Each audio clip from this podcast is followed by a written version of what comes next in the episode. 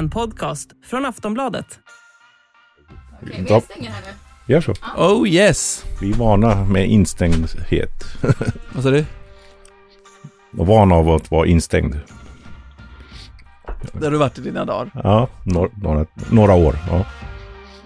Vi, vi, vi kommer ju komma in på, på själva rånet och händelserna kring det när ni var ja, Sveriges kanske mest jagade rånare fram till den tiden. Mm, Eh, under, under en period, 2003. just det. Ja, men vi, vi, vi, vi, vi, jag tänker vi börjar historien med en gammal löpsedel Gör så. från juli för ganska exakt 20 år sedan, juli 2003. Mm.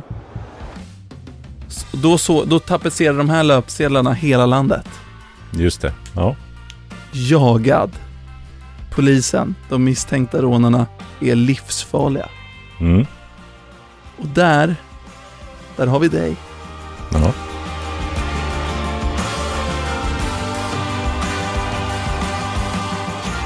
Den här bilden Ja. är väldigt stark för mig. Ja, För att jag minns själv när jag som sjuåring, när vi var på semester i Dalarna, och så minns jag hur liksom det här ansiktet tittade på mig. Och jag tänkte så här, tänk om han är i, Dal alltså i Dalarna mm, och just det. kommer till vår familj. Ja. Alltså att jag har stått och varit så rädd för dig. Ja. Och nu sitter vi här. ja, tänka sig. Ja, vi var faktiskt på väg till Borlänge ett tag, men vi ändrade planerna. Var det? Så att det kunde ha skett. Vi kunde Ja, ha flyttat upp till oss. Ja, Jag kunde ha sett dig. Ja, exakt. Jag anser ju inte själv att jag har varit livsfarlig någon gång. Nej. Eh, Men, ja. Nej, och det är väl polisen som säger det. ja. Vet du, vet, vet, vet, du, vet du vem du är lik på den bilden? Nej. Ryan Gosling. Jaha, okej. Visst är det, ser du? Det kanske var han då, som gjorde det där. Plot twist. Ja, Du har inget här att göra. ja. Jag nekade ju till det där rånet. Ganska... Ja, jag har erkänt efteråt att jag var där på platsen, men i, Mm. under rättegången och utredningen så erkände jag inte. Men, men alltså, och det är ju sån enorm kontrast mellan när jag kastas tillbaka till den här strandkiosken för 20 år sedan och såg det här ansiktet till att sitta emot, mitt emot den här mysiga, varma Tony som sitter här idag. Just det. Det ja, det känns skönt ändå. Då har vi kommit vidare, du har kommit ur det där traumat liksom. Jag har kommit ur traumat och du har väl också kommit ur ett, ett, ett liv, får man ju säga. Absolut, ja. Just det, jag har en present med mig till dig faktiskt. Har du en present till mig? Ja, ja. Du är den första gästen som har gett mig en present. Är det så? Vad har Ja. du för gäster egentligen? Oh. Jag var Sveriges mest jagade rånare. Ja, så heter boken. Jag skulle vilja att du öppnar den och tittar på vad det står där i, Ja. en av första sidorna. Och i boken så får jag alltså ett rån. Mhm. Du är busig. Du är rolig. det här skämtet har du dragit förut. Nej, Att man får ett rån. Nej. nej, jag kom på det igår kväll faktiskt. Är det sant? Ja, Det är väldigt kul. Får man smaka? ja om du vill.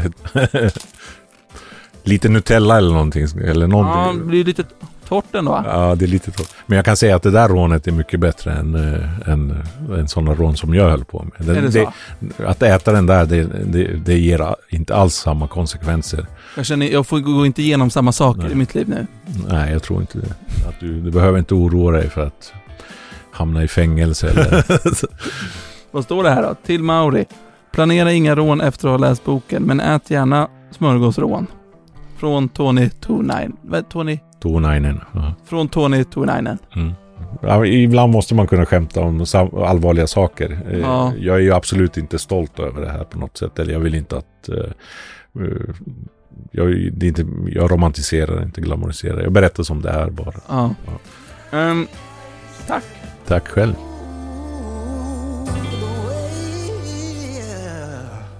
Men vi, vi, vi, vi, jag tänker vi börjar historien eh, med en, en ung Tony.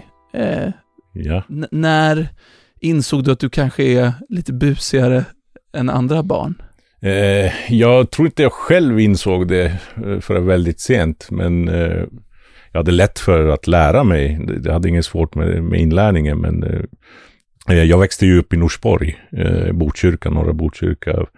Och där bodde det mycket eh, folk från olika eh, kulturer och nationaliteter och sådär. Och den kretsen som jag hamnade i på fritiden. Eh, vi hade väl ganska liknande hemförhållanden och det fanns en del liksom otrygghet och omsorgsvikt och sådana saker som eh, präglade oss. Och, På vilket sätt hade du svajiga förhållanden hemifrån? ja, det, det förekom ju våld i hemmet. Eh, alltså jag bevittnade ju våld. Sen eh, kom en styr, våldsam styvfar in i bilden som eh, misshandlade min mor regelbundet. Och det våldet bevittnade jag.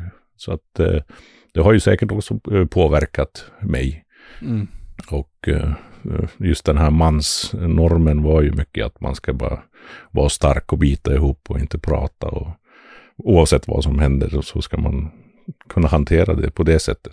Det är, så, det är, något, det är något så eh, mörkt och, och, och i det här att det är så tydligt hur, hur liksom dåliga hemförhållanden bara fortsätter väldigt ofta i generation efter generation. Ja, mycket går ju i arv. Ja, det är det. väldigt my- svårt Mm. att stoppa det och bryta Ja. en sån trend. Det tar ju flera generationer oftast att bryta ett arv, negativt arv, Ja. arv. Så är det. Och du kommer ju från ett sånt och du kanske på något sätt är den, även om du har gjort dig skyldig till, till både ett och annat tidigare, så kanske du är, på något sätt är den som är på väg att bryta ett sånt arv nu. Ja, det, det har jag ju gjort eh, definitivt. Jag har inga egna barn. Eh, och det är ju en, en konsekvens av det är ju att jag levde som jag levde. Och hade upplevt det jag upplevde. Jag såg ju inte att världen var en plats att eh, ta barn till. Och sen visste jag också att jag inte kunde axla det ansvaret. Mm. Så att jag kände ju att jag, om jag ska eh, bli pappa då måste jag även vara en pappa. Känner du att du är redo att bli pappa idag? Ja, nu skulle jag kunna ta, axla ansvaret, men eh, nu känner jag att jag ändå inte är redo eh, av andra orsaker. Och det är ju mer att jag, jag skulle inte vilja vara en gammal pappa. Liksom. Men du är ju ändå ung och viril, du är ju... Jag är 49 år. Är du 49 år? Ja, jag är 49 år. Är du så gammal? Ja, jag är så gammal. Såg inte ut att vara en dag över 35 tycker Ja, jag. tack så mycket. Det är många som säger det. Jag önskar att det stämde, men Ja. verkligheten är någon annan. Ja. Och, och, och under den här perioden så börjar du och, och busa lite, kan man väl säga. Ja, det, det, var ju, det var ju mycket mer eh, slagsmål och sånt från början. Och sen eh, bara börjar man eh, med snatta någon godis. Om man ska se det, liksom, att det, det är ju där det börjar. Att det är ändå, man bryter mot regler och normer och sådär. Hur gammal var du när du snattade första gången? Jag tror att jag var någonstans sju års åldern. Ja, Sju? ja. Jaha, jag tänkte vi var 15 här. Nej, nej, nej, det var lågstadiet. Ja, Du var sju år Ja. gammal. ja. Och om, om, vi, om vi fortsätter att göra nedslag då i, i din barndom, hur såg din brottslighet ut då? Ja, högstadiet eh, börjar man ju där någonstans 13-årsåldern. Eh, sen började det väl bli lite mer att man kanske stal eh, saker för att sälja. Eh, för att få pengar. Så liksom som 16-17-åring, det, det var då du började heltid med kriminalitet? Nej, alltså det var väl när, när jag hade blivit 18. Det, Okej. då, då blev det heltid mer eller mindre. Men kan du beskriva liksom den här eh, 17-18-åriga du, som liksom, vad, vad är det du känner kring, kring livet och din framtid? Nej, det var ju någonstans att eh, man kände liksom att man inte kunde leva upp till den här normen eh, liksom, som samhället har satt och de här förväntningarna. Och då såg jag att det här var där jag funkade, i den här miljön funkar jag, men inte i den här Mm. vanliga miljön. Eh, allt, alla kraven, tider, rutiner och så vidare. Eh, Mm. Och hur man är, eh, hur man för sig, hur man pratar och allt det där. Som, Mm. det skiljer sig ju ganska mycket. Hur ser du på liksom, din manlighet idag vad, vad, vad tycker du ingår i att vara man idag? Nej, alltså, nu, den är ju skillnad. Jag, jag är inte eh, liksom, utåtagerande eller hotfull eller använder det språket eh, varken verbalt eller med kroppsspråk som jag hade i, i den kriminella miljön. Mm. Eh, där är det ju mycket det här, det finns en, en stark hierarki och den där status och uh, makt och allt det där. Det, fin, det finns ju inte. För mig är ju man, en man uh, en trygg punkt i en familj till exempel. Att man, uh, och, det, och det har ju inte liksom, att vara stark det är ju även att vara svag. Och, och, och det, det, jag uppfattade det som att du också saknade någon, någon vuxen person, så som vissa kan räddas av. Ja. en, en trygg punkt, en lärare eller en, en förälder på något sätt. du hade så, inget sånt. Så, så, så var det ju. Alltså min styrpappa, även fast han var våldsam mot min mamma så var ju han den som bromsade mig väldigt mycket. Eh, Alltså det, det som jag sa tidigare, det fanns ju inte bara, det var inte bara dåligt. Mm, Han var ju min manliga förebild. mm, Och han gick bort när jag var 19. mhm. eh, efter eh, en familjekris. Och han tog sitt liv. Och det var ju också ett svek. Som, för, som jag uppfattade. Att han, han svek mig. Mm. Att han lämnade mig. Mm. Och då, det, var ju, det var ungefär där, det var väl droppen för mig. Eh, Jag bestämde mig, jag är vuxen, jag är man och jag klarar mig själv.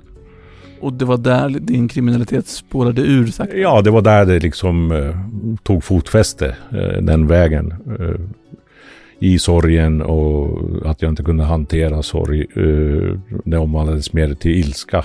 Eh, och i- den ilskan var mer, fungerade som en drivkraft Mm. i utanförskapet. Och sen eh, så blir du då helt enkelt he- heltidskriminell och det blir grövre och grövre brott. Eh, Mm. Och det här leder ju sedermera fram till det här rånet 2003. Ett, ett av de mest uppmärksammade rånen i svensk historia får man ju säga. Mm. Men hur såg ditt liv ut där i början på 2003? Vad, vad var det för kriminella aktiviteter du höll på med? Du hade väl redan börjat råna och sånt? Ja, nej, jag hade ju hållit på med rån eh, från mitten av 90-talet ungefär. Alltså hur många rån och så begick du under, under 90-talet och början på 2000-talet? Jag, jag har väl eh, sammanlagt sju, åtta rån eh, bak, rån. ja, bakom mig. Och vad var det du rånade? Det var värdetransporter mest. Man tyckte att det var ganska enkelt och relativt riskfritt. Mm. Ja. Och du blev aldrig, för de sex första rånen, så Mm. blev du aldrig tillfångatagen? Nej. Eh, vänta, Maja håller på och försöker... Eh, bu- bu- bu- bu- bu- Vad vill du prata om? Pengar, Mauri. Para. Para. Och det här gäller ju även er som tittar och lyssnar också. Det är kanske är många som känner att, att pengarna är lite slut under hösten. Man har handlat någon resa på avbetalning i sommar eller kläder på kredit och så känner man att nu vill jag börja spara lite pengar. Och då har jag ett tips till er och det är Anyfin som sponsrar vårt avsnitt idag.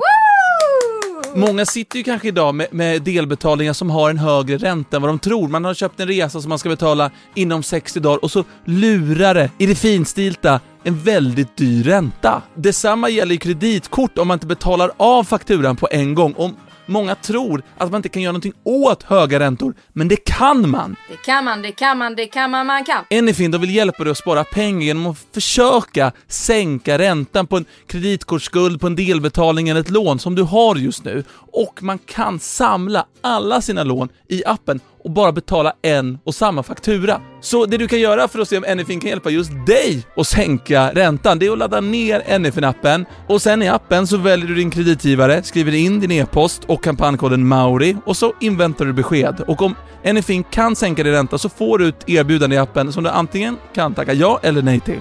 Och i snitt så sänker Anyfin kostnaden med 38% och det är pengar du antingen kan spara eller betala av skulden snabbare med. Och glöm inte att använda kampankoden MAURI så får du en månad räntefritt. Stort tack säger vi till Anyfin. Tack ni Och, eh, vad skrattar du åt? Nej, jag skrattar åt mig att ni har en sån... Hemlig kontakt. Ja, exakt. Ja, han bara, hon bara, fy fan vad vidrig han är. Jag bara, Ja, exakt. Nej, du bara, men- håll färgen, håll färgen.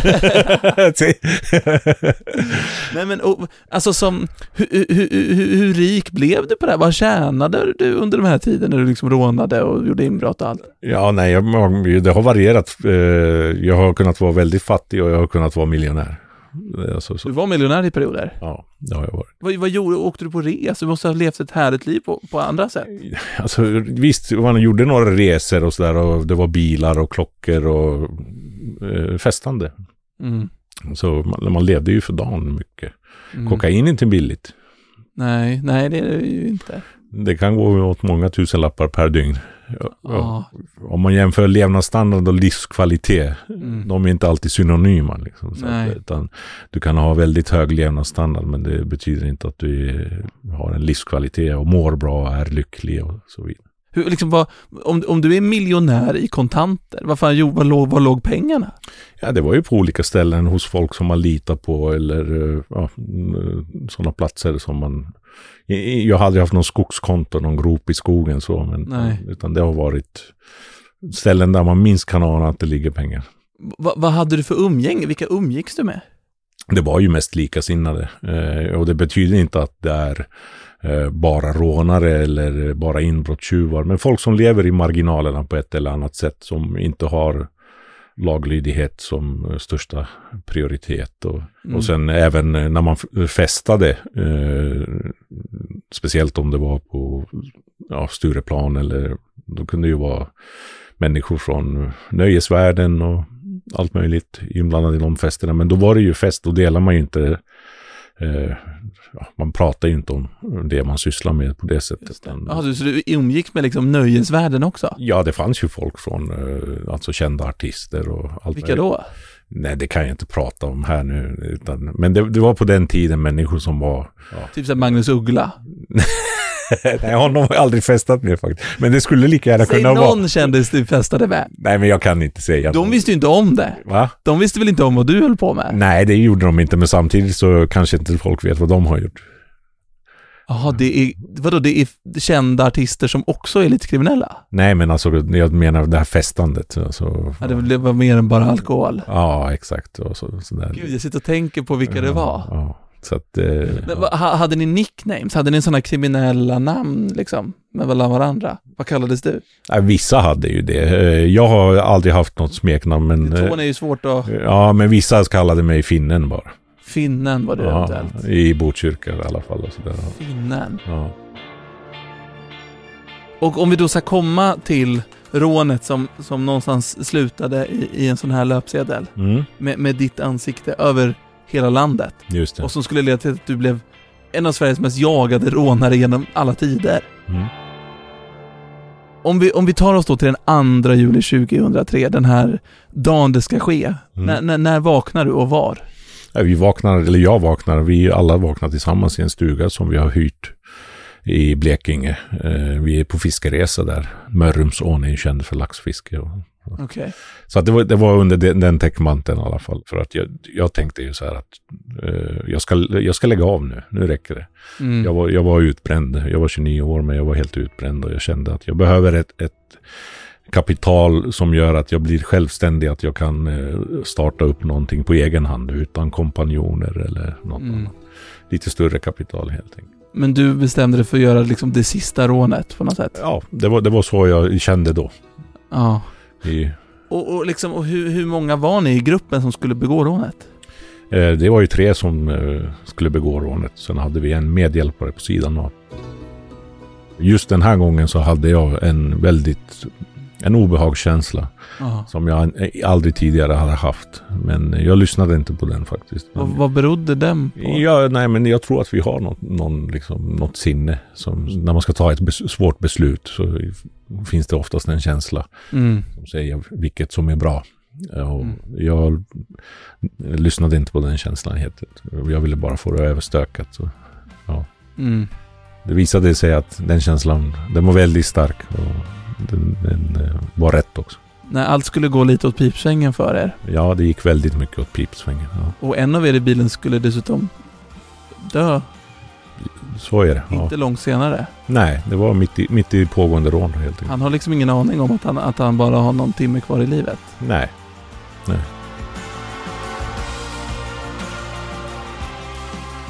Och, och kan du ta oss igenom då hur, hur, hur själva rånet går till? Liksom, eh, steg för steg när ni kommer till platsen och hur allt funkar?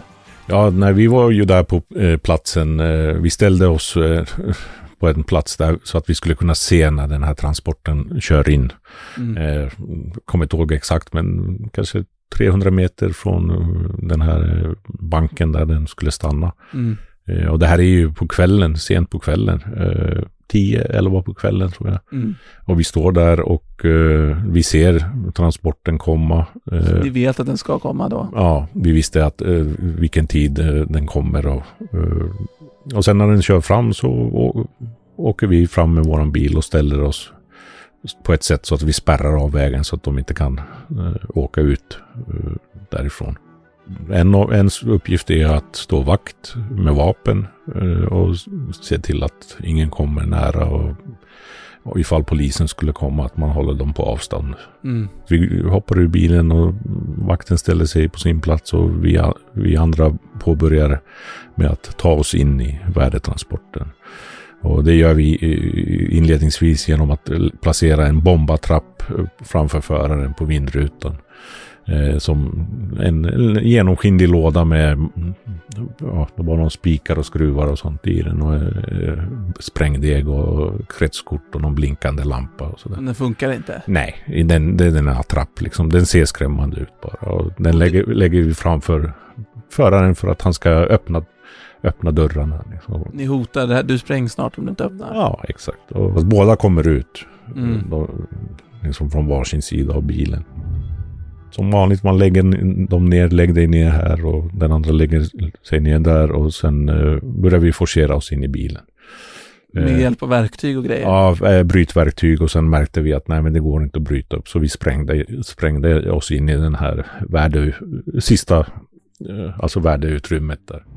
Hur, hur, fort går det här från att ni, att ni springer ut ur bilen med vapen och bombatrappor till att ni är inne i, i det, sista, liksom det sista slussen med pengarna?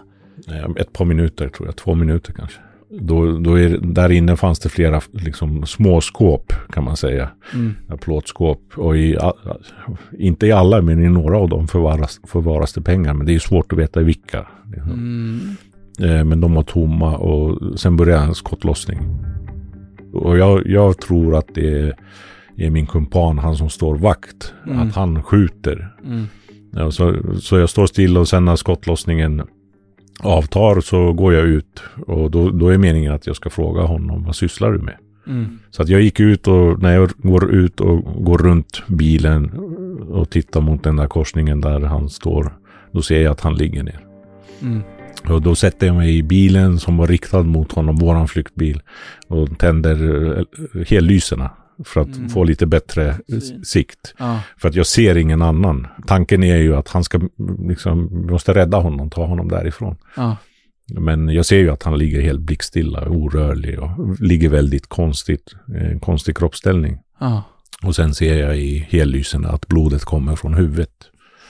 Fy Och då, då förstår ju jag att eh, det, det är ingen idé att ta med honom.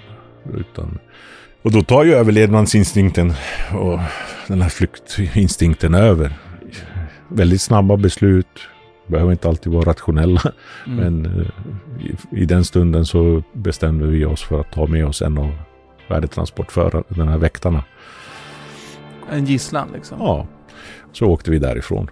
Och det här beslutet att ta med en av väktare som gisslan. Mm. Alltså så här, vad, av alla beslut du har tagit i ditt liv, är det, är det ett av de mest omoraliska på något sätt så här i efterhand? Ja, alltså det, det är ju i, i, efteråt. För honom har det ju definitivt inte varit någon trevlig upplevelse. Och jag har alltid rättfärdigat mina handlingar genom att eh, veta att jag inte vill skada någon. Mm. Eh, Och jag har all, eh, i den tiden såg jag inte psykiskt våld som våld. Jag förstod ju inte då att vad jag gjorde med den här människan helt enkelt. Nej. Vad mina handlingar kommer ge för konsekvenser och men för den personen. Mm.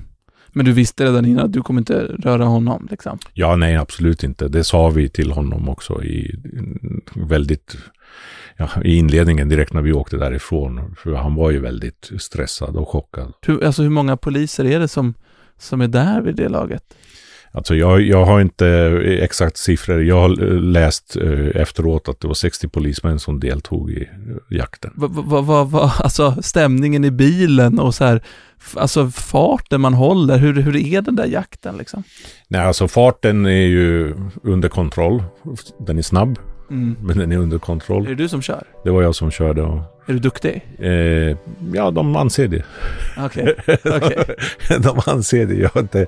Det, det är ju Ryan Gosling, vi gjorde ju den här filmen Drive. Aha, okej. Ja, jag känner att det finns kopplingar mellan er. Eh, ja, kanske ju- just i det sammanhanget. Ja, Att vi båda är snygga och kan köra bra. exakt. Det är det. Så du lyckas bli av med polisen helt enkelt? ja, vi såg inte någon poliser. Eh, och vad gjorde ni sen då? Nej, men vi, vi släppte honom och sen eh, ja, liksom sa till honom till och med vilket håll han skulle springa när vi hade åkt. Eh, Och det var faktiskt rätt håll. Rätt, han fick anvisningar. Om du går, liksom spring ditåt eller går ditåt så kommer du till bebyggelse. För det här var ju mitt i skogen. Just Men han litade inte på oss så han sprang åt andra hållet. Ja, det hade Freja också. Det, man inte, ens förtroendekapital är inte jättestort Nej. när man just har tagit gisslan. Nej, exakt. Så att eh, efter några år hade jag via en bekant på något sätt, fick, fick, det var liksom några bekanta emellan där, men någon kände honom i alla fall. Mhm. Liksom att han, han hade ju, var ju orolig i och med att han hade vittnat i rättegången. Mhm. Och kände sig liksom inte helt trygg med det. Att Mm. någonting skulle... Och då fick han en hälsning från både mig och eh, en, en kumpan att han inte behöver vara orolig. Vi har ingenting emot honom på något sätt. Det är ganska vanligt nu för tiden att man kallar varandra för tjallare och golare. Även i skolor hör, jag det där väldigt mycket när jag arbetar med ungdomar. Mm. Eh, Liksom. Men eh, att gola och tjalla, det kan bara kriminella göra.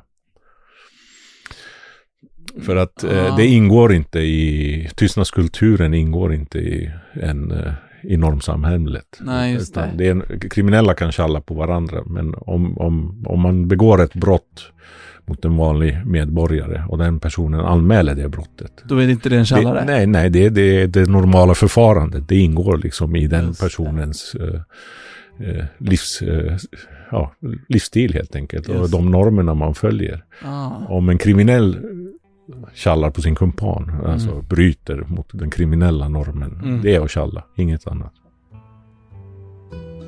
Och sen börjar det ju komma nyheter på radio. Och, Ja, Ni sitter och lyssnar på radio på natten i bilen? Ja, den har, den har vi ju på såklart. I en bil som vi tror är eh, anonym.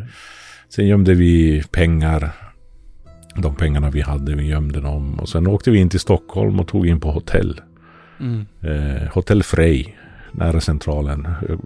Allt i stort sett man såg och hörde handlade om det här rånet. Vilken kanal man satte på eller var i tv och sådär. Det var ju mycket om det här rånet eh, på nyheterna. Och det var ju jättejobbigt. Alltså. Det var ju väldigt eh, mycket ångest. Alltså, alltså ånger helt enkelt. Mm. Eh, det är en naturlig reaktion av att det har gått snett. Mm. Att man vet att det, det kommer gå ännu mer snett snart. Det, ja, fängelse och allt det där. Mm. Men till slut så slocknar vi i alla fall. Eh, utmattning såklart. Eh, inte sovit och någonting. Så vaknar vi på morgonen. Eh, går ner, ska äta frukost i hotellet. Mm. Och då ser jag att det kommer en lev- leverans med tidningar. Liksom. Mm. Och de lägger in dem i en sån här tidningsställ. Mm. Och när jag, jag minns när jag drar upp den här tidningen så här. Och Mm. det var den här löpsedeln. Du drar upp en tidning och så ser du där ja. den här bilden på dig själv. Ja. Och jag, jag vet inte, jag stoppade bara ner den igen. Så här, släppte ner den igen. Ja. Och vände mig om och gick till eh, ja, matdelen där frukosten serverades och knackade min andra kumpan på axeln och sa att jag tror att vi ska gå härifrån. Vi hoppar över frukosten. Så. Och nu vet du ju att inte bara att liksom alla poliser och Sverige letar efter dig, de vet också exakt vem du är och exakt hur du ser ut. Ja, exakt. Du var ju egentligen fast, du kunde ju inte komma undan nästan. Nej, det var ju bara en tidsfråga. Visst, eh, hade jag haft pengar så kunde jag ha eh, flytt utomlands, eh, liksom landsflykt, men då gäller det ju att hålla sig borta i 15 år. Mm. Det är en lång tid. Mm.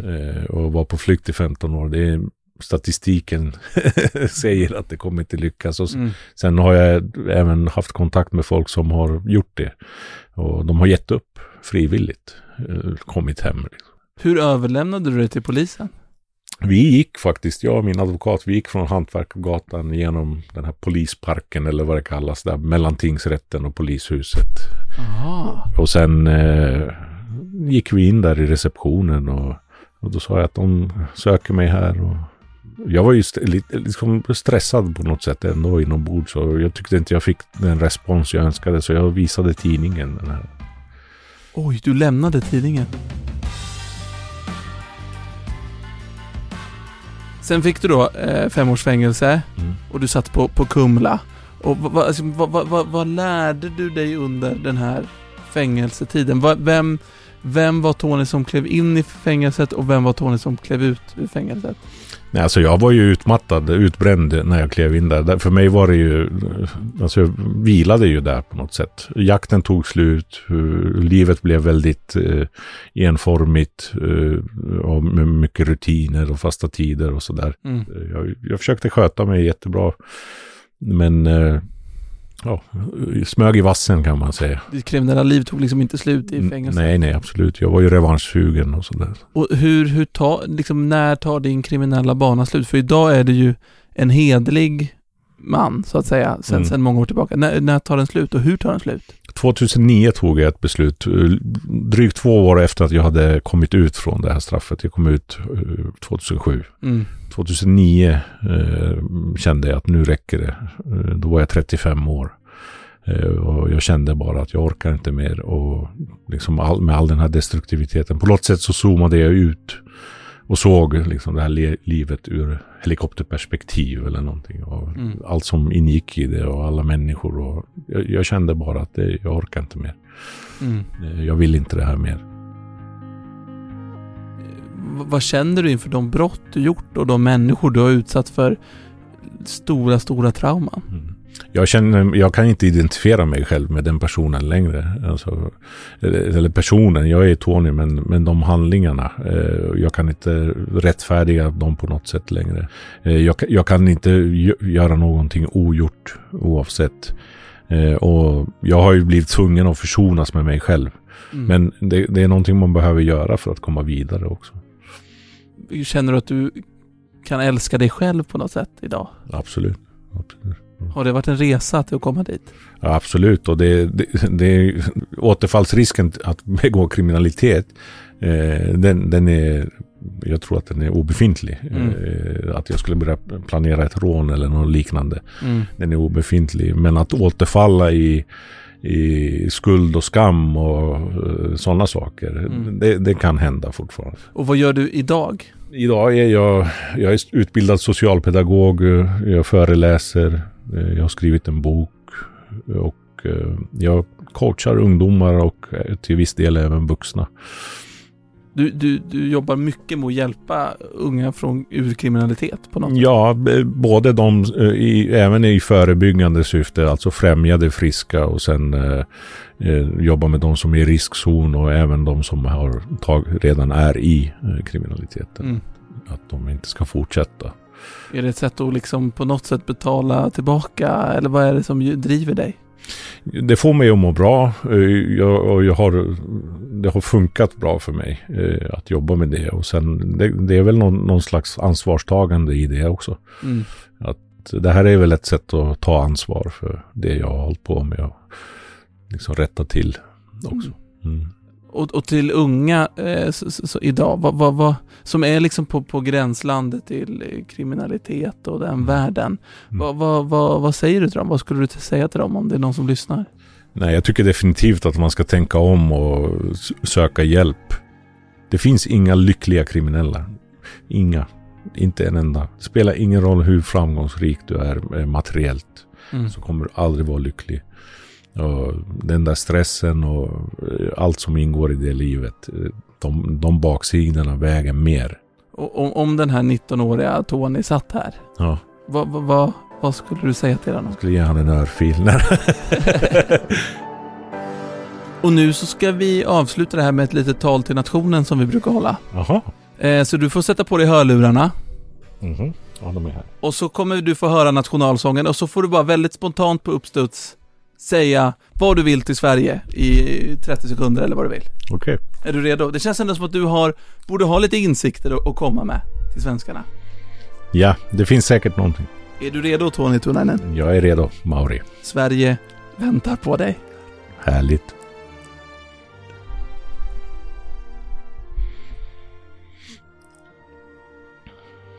Oj, han tar god tid på sig. Vi, vi, vill ha talet nu. Jaha, ni vill ha talet. Jag trodde att jag skulle lyssna klart på nationalsången. Okej, nej men då börjar jag. Det jag vill säga till Sverige det är att vi ska börja satsa ordentligt på barn och ungdomar och arbeta förebyggande istället för reaktivt. Inte vänta tills allt mänskliga lidande och eh, ekonomiska resurser har blivit belastade efteråt utan vi ska agera i tid. Vi ska kraftsamla så vi slipper det här utvecklingen som vi har i samhället med eskalerande våld och narkotika och eh, psykisk ohälsa. Tack för att du var med i topp 1 i Sverige, Tony Tornainen! Tack så mycket Mauri, det var jättekul att vara med. Ja, nej, det är du som applåderar så här. Jag, jag applåderar dig också.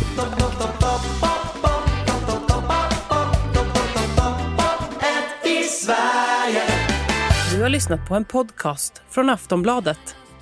Ansvarig utgivare är Lena K Samuelsson.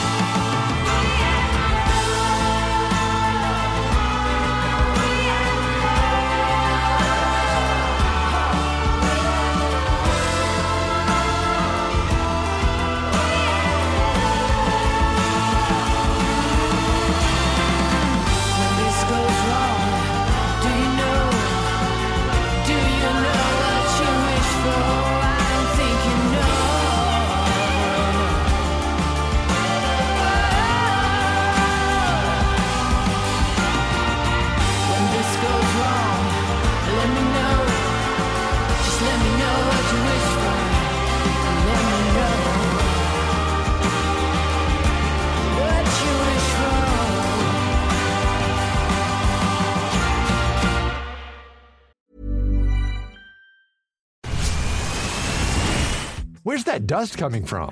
Still finding debris after vacuuming? Eufy X10 Pro Omni Robot Vacuum has 8,000 PA of powerful suction to remove debris deep in carpets. And it's totally hands free. Want to know more? Go to eufy.com. That's EUFY.com and discover X10 Pro Omni, the best in class all in one robot vacuum for only $799.